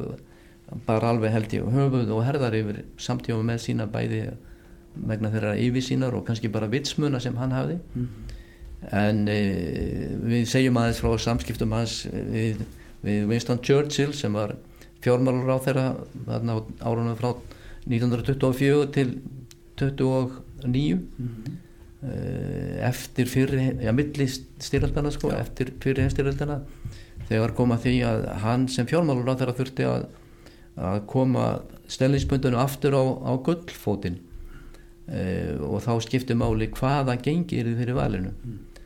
hann bóðaði Keynes og félaga sína á, á högaflugsfund í Dánistræti 11 og við segjum aðeins frá því og við segjum aðeins frá sko Churchill eða skulum segja uh, Clementine eiginkona Churchill hún uh, hafði hálgerað evasendur um það að hann geti orðið góðu fjármárar á þeirra vegna þess að hann væri bara sagði hún við hann sjálfan sko Eh, kannski ekki svo mjög góður eh, að, að hérna taka ákvarðanum um heimilisbutuna sko. og, en, en Churchill benti nú á að þetta var nú alveg tvent ólít sko, heimilisbutan og eldursbutan og, og sjá fjármál ríkisins sko. hann, hann riði nú vel við það sko. Eh, og svo fyrir við mér þessi allarliði að, að segja frá já það, það var, var sagfræðingur sem, sem, sem snýri sér síðan að, að fjármálafræði og þá þá, uh, þá, þá, þá, þá rækst hann á að, að sko Churchill hafði við, við, við fyrir fráfært sitt heimilað að allar upplýsingar um hans fjármál bara alla æfina, allt sem til var alla bankareikninga og allt saman uh, yfir þeim kvildi engin lein Nei. og dóttir Churchill hafði síðan bara staðfest þetta. Þannig að hann skrifaði bók um, um enga fjármál Churchills sem sem er hérna og, og, og hei, hún heitir hún ber titilinn No More Champagne en sem sagt bæði Churchill og, og John Maynard Keynes og, og svo í talanum ekki um sjálfa einlagsdrottningu Já, eru öll sem held ég mikið áhuga fólk um kampavinn og svo maður, já, ekki, já, svo maður mætti nefna líka Stefán Einar á, á morgunblæðinu sko. já hann, er, hann er í þessum hópi. Og, og við, við svona hérna, við förum stöklaði yfir þetta líka aðeins til þess að leta fólki í lund þegar Já, er að reyna að þrælast í gegnum þessa nýðfungu hérna nýðfungu töflur og, og línuritt sem, er, sem fylla bókinu öðru leiti já, hún er hún er bara svona svo, svo ég játi það, ég hef ekki lesið mig í gegnum hana og hún, og hún virkar svona kannski miðið af, af, af, fólki sem hefur, hefur svona einhverja grunnþekkingu á þessu málum. Það er það kannski ekki rétt lesið lesið hjá mér. Já, þú meinar sem, sem er búið að lesa fyrir bókina. Já, það, er einmitt sem er, grundvallarreit í, í fjárfæstingum eða hvað. Já, það er kannski, það er kannski hjálpar léttur Já. undir, en ég myndi segja að allir sem hafa áhuga á að kynna sér þetta eiga, nú að geta glukkað í og hún er kannski líka sett upp þannig að hægt er að flett upp aðtröðum sem maður hefur áhuga á. Það þarf ekki að lesa alla í bölg og byð hún er Nei, alveg ta- talsvert kaplaskipt og Já, ég tók að mitt eftir því, það er að lesa þá svona tiltrúlega en hún á að vera svona þægileg kannski til þess að grípi í líka maður er kannski ekki alltaf tíma til að lesa mörgundur blaðsjöður í ein, einni lótu sko, þannig að, að svona, en að geta, geta kíkt í hana. Og eins og ég segja það er svona komið inn á, inn á fólk og persónu líka þó að töflurnar og myndirnar eins og stækt, mynd segir nú oft meir en þúsund dólar þetta, það er dragað þetta fram heilmikið sem er að gerast. En, en varandi karakterina líka eins og nefnir aðeins áðan þú veist að þá náttúrulega, við vorum að tala um hvernig þú ert að byrja að þá er líka rosalega gott að geta lært af reynslu annara Já, að draga fram eins og í, í lesiðmarkaðin hvað, hvað þessir aðilega voru að gera hvernig báru þeir sig að. Þessi munur á skólunum sem við erum að nefna allar er bara að fylgja markanum og bara ekkert að pæli sveiflunum bara að fylgja. Ætlar að, að, að horfa til þess að reyna að tímasett tímasetta kaup og sölu horfa til þess er, er stefna til lækunar eða er hún til lækunar þannig að þú getur svona tekið þá afstöðu hvaða aðferð henda þér. Séð hvað þeir hafa gert en svo eins og segjum, verður einhverstað verður að byrja og það er fyrst til að eiginlega þeir eru komin inn með nokkra krónur að þú fer almennilega líka að setja þig inn í að Akkurat. þetta tengir þig svolítið við sko. maður þekkir þetta það er ekki fyrir maður er orðin sko fyrir maður á eitthvað undir að maður raunverulega fyrir að kynna sér hlutina alveg reynd sko. Já, ég hugsa það sko, þú þarfst að hafa það incentive sko. Já, Ég held að megi segja kannski líka að við í fyrri bókinni frá 2016 þá held ég að við höfum reynd að skýra tökum til dæmis tækni vísana sem, sem eru mest notaður Einmitt. allt frá hlaupandi meðaltölum yfir í maktíi og, og svo framvegið sko. Eh, við, reynd, við reyndum að skýra þetta eftir bestu getu í fyrir bókinni en það gerum við ekki í, í nýju bókinni. Reynlega vegna þess að uh, það hefði bara verið reyn tvítekning. Akkurat þannig að því liti til má segja að, að hluta bara á heimsmarkaði sé kannski já það er ákveðin undirstöða sem fólk þarf að hafa til þess að geta Einmitt. uh, Já, en kannski nefna líka að það eru svona orðskýringar aftast fyrir svona alls konar hugtök sem er ekki verið alltaf að Akkurat þannig að það kemur kannski líka inn í. Og svo, svo vorum að nefna að það vorum að, lýsa mynd. Það eru náttúrulega töflur sem eru, eru stórar og eru svona svolítið að reyna að veita yfir sínina og svo, svo er gerð tilurinn til að reyna að lýsa því alveg hvernig, hvernig þetta er allt saman gert. Mm -hmm. En liður í því líka hver og einn svolítið finni hvað vill hann vera að horfa á hvað vill það hafa fyrir augunum alltaf sko. Hvað hérna. Og svo, ég, og svo ef fólk hefur áhuga þá sá ég að fyrirbóki lesið í markaðin, hún er, hún er til. Hún er aðgengileg bara í í, í vestlunum þá þannig að upplægið er alveg til. Þannig að fólk getur byrjað, byrjað þar og fært sér svo yfir í, yfir í næstu. Alveg það er á nóg að taka. Já, en það, það var eitt kafli bara sem að í, í bókinni sem að sem að ég nautum og það er, það er 31. kapli hvernig finnum við góða ávöxtu næstu ára og ára tugi er ekki, er ekki rétt að láta ykkur svara þessu? Hverða, hvernig er þetta já, hvernig, spurning spurningana já þetta hlýtur að vera svona spurningin sem, að- sem blasir við fjárfæstum alla daga. Algjörlega, algjörlega. Og ég held að við hefum kannski komið einhver, einhver leiti inn á það hérna í okkar Akkúrat. og, ég held það. Já, og, bara stórum hluta og, og, og þetta hugdag sem við rættum hérna áðan að- með hlutvarslegan styrk Mhm. og, og eh, samanburð líka á mörkuðum já, kannski ekki komið inn á það beinlis að það er framalega í bókinni er, er tekin um, um, hvað er 100 ára eh, samanburður á, sem á er- vísitölum nú er það 120 ára sko. þau eru orðin 120 núna já Mhm. því að áðan vorum við að bera saman heimsustöluna uh, og hérna er svo við 500 ára markaði bara Mhm. yfir stutt tíambil en það hefur verið gerðar uh, bara alveg gríðarlega rannsóknir Elrud Dimsson og félagar með uh, bók sína sem að, við höfum að íslenska það óðindi björnsínar mjög skemmtilegt nafn og hérna en það var, var tekið alveg að fara árunni 1900 og það voru skoðaðir hvað þetta voru það 16 markaðir ég, undir ég held að, já sko þessum rannsóknir, þessar rannsóknir komið fyrst út í, í bókinni e, 2001 en á vegum Credit Suisse e, svissneska fjárhastingabankans mm. þeim verið þeir var stutt Dimson og félag við áframhaldandi uppbyggingu á þessum gagnagurinni Algjörlega. núna er þetta held ég 120 ár Já. og ég held 21 land inni sem er komið inn núna Já, held það. er búið að bætast við og þarna sjáum við þá þessi langtíma meðaltöl Mm. hvað hlutabrif og skuldabrif á þessum mörgum hafa verið að gera og það er aldeilis mikill munuleika þegar hort er, hort er þetta langt skóp. Eins og nefndir 300 ára, 100 ára eru þetta ekki fjárfestingatímabil hjá, hjá neinum einstökum fjárfesti. Akkúrat. en getur gefið góða raun til að sjá aðeins hvað hefur verið að gerast, hver er undir staðin og það er alveg gríðarlegu munur í þessum tölu líka hvað bandaríkin eru með hæstu töluna. Það er svo lítið út núna að við eitthvað um 6,5% raun ávöxtun yfir þetta tímabil, árleg Á- tala um á ári. á ári í 120 ár. Já, það er ekkert lítið. Nei það með öllum þeim sveiflum sem gengið hafa. Á Akkúrat. Eh, á meðan að heimsýstellar ykkur stæðum fjögur. Nei, hún, hún er nú 5,2 sko en, en 5,2. Evrópulöndin eru, eru 4,3 já, já, við hann yfir, það er Evrópa sem er Já. þetta talsvert uh, já, en þá læri en, en auðvitað þetta tímabili yfir mjög, já, meðaltali við mjög langt tímabil.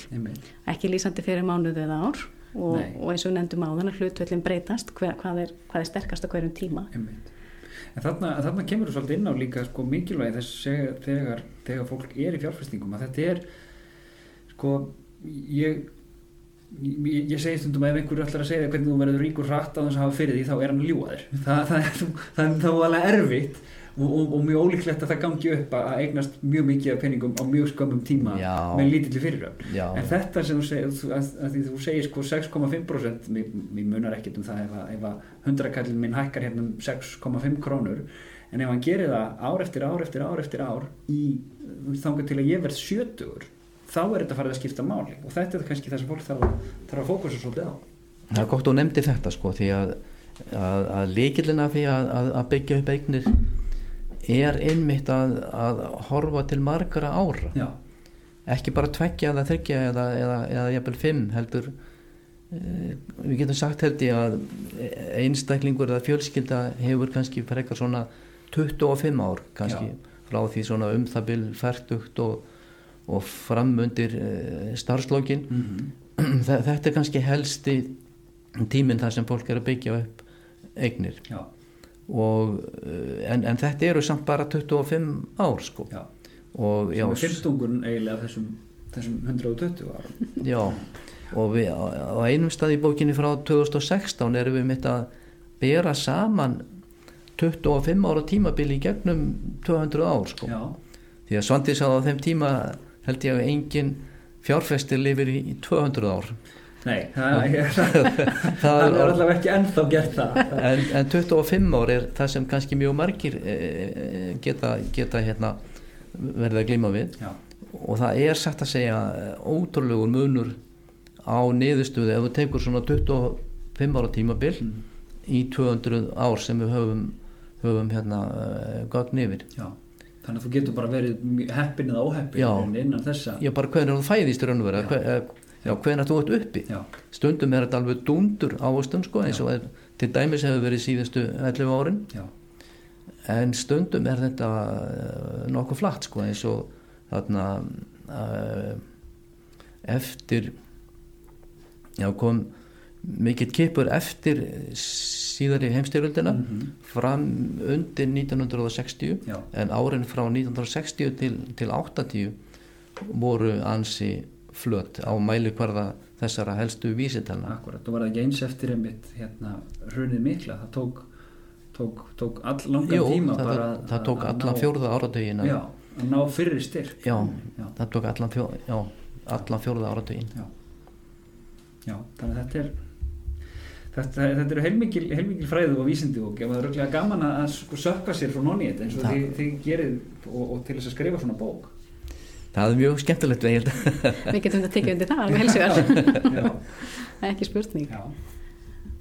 En hvernig er svona ef við, ef við setjum þessi, þessi, þessa stóru og, og fjárfestingandar og stóru máli til hliðar hvernig, hvernig ef, ég, ef ég má gerast svo, svo frakkur að byrja hvernig er nálgist fjármál í, í engalífinu eru þið skipulöð og, og, og svona út, útpælt og séð eða, eða látið þetta bara, bara ráðast einhvern veginn? Já, einfalda svarið við því er að, er að, er að Svandís er, er mjög skipulögð og, og sparsum og útpælt ég er alveg óskipulagur Já.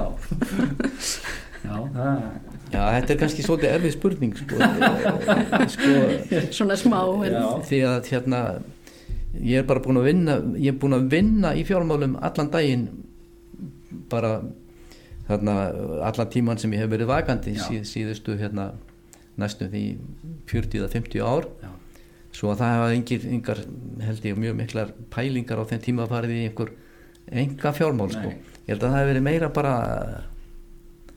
e, eitthvað ósjálfrátt sko, eitthvað sem er bara innprentað í mann Já. maður, maður gerir hlutina bara svona og, og svona frekar heldur en að það hefur legið einhverja djúpa rannsóknur á bakvið það sko. Akkúrat.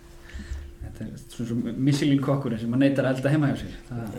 eða rafvirkinn sem er með sem er með töflun á gólfinu Já, einmitt einmitt Já, ég held að við viljum nú öll vera, vera skynsum og gera hlutina af einhverju, einhverju viti, sko. Já. Og hérna, held að, held að það sé nú, og, og, og bara ef maður er að horfa á bara í, í það sem maður er að almenna neyslu og annað, Mhm. þá er maður helmikið ánæður með það sem maður er að gera góð kaup.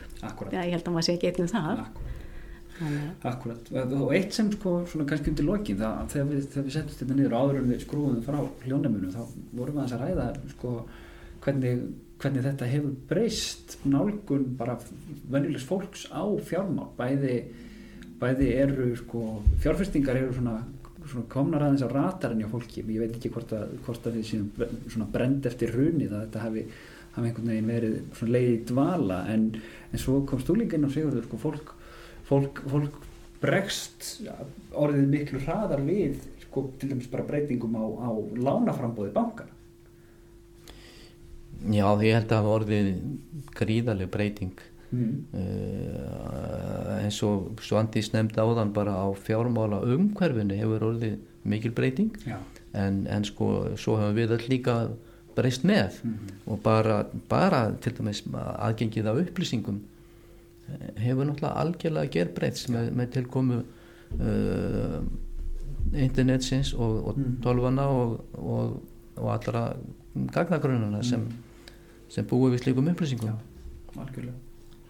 Sem, sem betur fer sko því að ég held að sé mjög mikil munur á, á viðhorfi unga fólksins til fjármála núna. Mm og uh, já þegar ég var í barnaskóla ég, ég man bara aldrei eftir að fjármál hafi verið nefnt þá sko. Nei, ég mynd og við sem, sem stöndum að þessum þáttum við nú svona allavega he- heyra það út undan okkur að það sé að verða svona dálítið vakning málum og, og, og, og peningar séu svona að komast aðeins upp á yfirborðu þetta hefur ekki verið neitt þetta er sko foreldrar held ég að hafi vegrað sér við að ræða þetta við börnin sín og, og, og sem gerir það að verkum að, að, börnin hafa þá ekki þekkingu á fjármálum þegar þau verða fullorðið það er, það, það er ekki gott.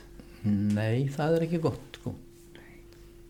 Og svo er þetta alltaf opnast eins og segir, þetta er, við erum að tala um eins og með húsnæðislánin, þetta er alveg svo auðvelt að endur fjármagnu og annað. Kostnæðurinn í kringum þetta er orðin allt annar heldur en það var. Já, hann var alveg lamandi hár, gæti verið hérna. Eh, hann var það, þegar það voru uppgriðslugjöld á, á öllu saman og, og þetta var bara umtalsvert tæri kostnæði ræða. Já. þannig þetta er orðið miklu, miklu opnar umræði varandi þetta og þetta er auðvitað einn stærsta fjárfesting sem að flesti fari í það er, það er steipan, það þakki yfir höfuðið Já. Þannig mér svo umræða, já, varandi endurfjármunguna, hún hefur verið greiðarlega síðustu mistöfum, ég held að það vengi verið varlut af því. Mm. Þú, þú nefndir aðeins áðan að, að hugsanlega hefði runið haft áhrif á huga fólks. Mm -hmm. Ég held kannski að, að hérna, þau, við megum ekki vann með þetta þau áhrif. Þau, þau voru alveg gríðarlegt, það var sjálfsagt bara enginn á, á allu landinu sem, sem, sem hérna, ekki hlaut einhvern einhver skada einhverju leiti. Hérna af þessu áfalli þarna 2008 mm. og uh, já, fórstjóri kaupallarinnar hefur nú bara einfallega talað um uh, fyrst við, við, við hlutabröðubróð Æslandir núna á síðasta ári mm. og svo í útbóðunum sem hefa komið í kjölfarið Já, sem Íslandsbanka Íslandsbanka og, já. Já, og fleiri útbóð mm. að, að hérna það hefði núna sé að verða merkjanlega breyting mm. en við erum að tala um líka 13 ár Já. í bandaríkjónum eftir hrunið mikla hérna 1929 ég held að mig alveg segja að það tók 20 ár fyrir almenning að koma inn á hlutabreyfumarkað aftur en nótabenni það var að vísu heimstyröldin sem kom hérna inni líka 39-45 en, en þessi ár þarna frá 1930 til til, e, til 1950 var þáttaka almennings lítil mm. svo er annað reyndar mjög mikilvægt atriði sem, sem hérna, við höfum eftir að við höfum ekki nefnt mm. og það er þessi gríðarlega breyting á vöxtum sem hefur orðið síðustu 40 árin Já. Við fjöldum aðeins um þetta í, í nýjubókinni bæði á Íslandi og, og í Bandaríkjónum en, en líka auðvitað í sama mæli öðrum löndum. Í bandaríkjörnum lækkuðu vextinni frá því að vera 17-18% árið 1981 mm. niður í bara næstum því 0 wow. uh, 2018 getum við sagt. Mm -hmm. En hér á Íslandi við, við, við nefnum árið 1986 vegna þess að, að það er alveg skjál, skjálfest að, að raunvextir, vextir umfram verbulgu á á vörðriðum spariskettunum ríkisjós þá voru 8,6% 8,6% umfram vörðbólgu í, í dag er algengir húsnæðislána vexti svona kannski 4,5 og verðbólga er annað eins já, íbúðalána vextir já. en vextir á ríkisskuldabriðum þeir eru ennþá meini þeir eru, þeir eru nánast engir. Um, um 1% er það ekki já, já. Jú, þannig að eru, nei, eru neikvæður raunvextir þar. Þá þegar verðbólka tekinn til greina. Já, já, þannig að þessi gríðarlega lækkun já. það er að segja síðustu árin, síðustu fimm árin eða svo, já. þegar, þegar vextin hafa verið eh, ekki bara jafn gríðarlega byrði á, á, á almenningi eins og þeir voru hér áður fyrir mm. Þeir hafa þetta að sínu leiti svona hlift ákvæðinu lífi í íslenska fjármálumarkaðin Er eitthvað, er eitthvað hægt að skýra þessa breytingu á, á þróun vexta á þessum tíma? Já, já, það er alveg hægt sko en uh, kannski bara ég held að þessir ofurháu vextir sem voru í kringum 1980, ekki bara í mhm. bandaríkjónum heldur bara í öllum vestrænum ríkum og, og líka hérlandi þeir eiga rætur sínir að rekja til verðbólgu áratögarins þarna á undan já. þegar, þegar ver, til dæmis verða ólíu 12 faldaðist frá árunum 73 til 79 já. og svo framvís það það var mikil óáran í efnahagsbálum þá ríkisjóðu flestra landar var reikið með gríðalegum halla og allt, allt hérna uh, var það til þess að gera vörbólguna yll við ráðanlega mm -hmm. og, og vextir eru auðvitað hækkuðu með mm -hmm. Trefðu vextir. Hér á Íslandi voru sem sagt á markaði uh, verðtreyð og fastegnatreyð skuldabref Eh, sem voru bara með, með trausta útgefendur og, og vextinir voru alveg 14% umfram verðbólku þegar við vorum að byrja í Kaupþingi árið 1983 Vá. já, þú, þú svitnar undan þessi núna en, en, Þið voru bara, heyrðu, við fjármálafyrirtæki í þessu en, en sko ímyndið ykkur bara breytinguna frá þessu Já. og niður í vextin sem núna er og raunvöxtin sem núna er bara ekkert mjög langt frá núli sko. Já, þetta er við töluðum um upplýsingaflæði en, en, en þessi breyting er líka alveg Já. það er gríðarlega áhrif á þessu Og þetta leiðir auðvitað til þess að við vorum að ræða áðan hvar, hvar ætlar að setja e, fjármununa til þess að fá einhver ávöxtun og þegar vextinur á þetta lágir þá eru þeir ekki skilaði miklu hvort sem það er að bankar einnig skuldabrjöfum í bili nei, þá þarf þetta að leita eitthvað annað. þú þarfst að leita eitthvað annað og þangað eru margir að leita og það hefur þá líka áhrif til hækkunar á, mar á markaði að Akkúrat. eftirspurnin er mikil Akkúrat.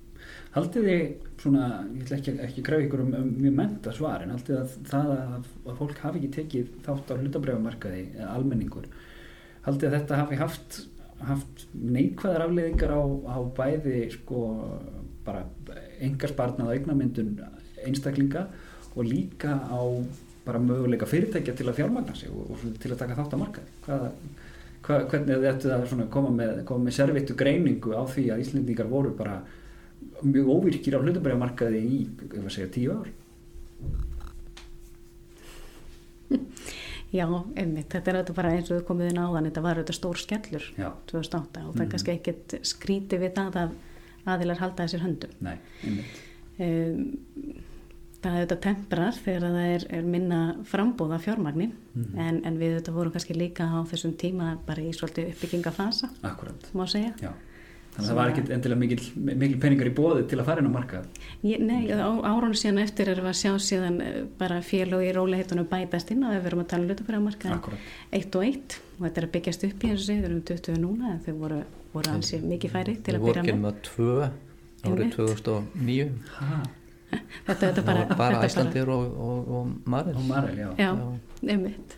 Þannig við erum að tala um það að þetta sé litli markaði var náttúrulega þá minnu og er bara búin að vera hann er bara búin að vera að koma tilbaka eftir þetta alls saman sko. það var ekkert skrítið að fólk heldi aðeins að sér höndum Nei, einmitt. en ég held líka að fólk hafi á þessum árum frá 2009 eða 10 og fram eftir síðasta áratug notað spartnað til að, að, að greiða niður skuldir Akkurat, sem skuldir heimilana voru hafa, hafa farið lækandi allan þann tíma sko. Mhm.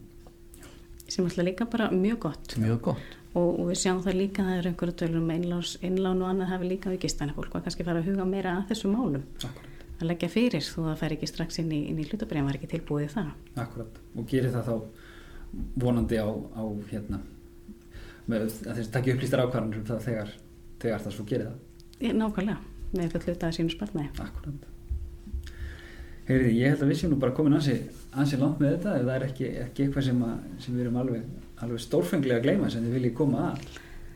Ekkert sem gefur í kollinu, þá, þá held ég að ég vilji bara þakka ykkur kærlega fyrir komuna og við sláum botnin í, í þennan þátt Svandís og Sigurður höfundar bókarinnar hlutabrif á heimsmarkaði eignastýringi í 300 ár og með, með umtalsverðar einslu á þessu markaði. Takk kærlega fyrir komuna Takk fyrir sem leiðis Takk fyrir búið Takk. Og ef þú, kæri hlustandi, hafðir ánægju eða gagna af þessu spjalli, þá máttu endilega benda vinnum þínum og fjölskyldu á hlusta á leitina að penningunum. Og ef þú lumar á áhugaverðri sögu um heimilisfjármál, vilt spyrja spurninga eða benda á góðan viðmælanda, máttu endilega hafa samband á Facebook síðan leitina að penningunum. Takk fyrir að hlusta.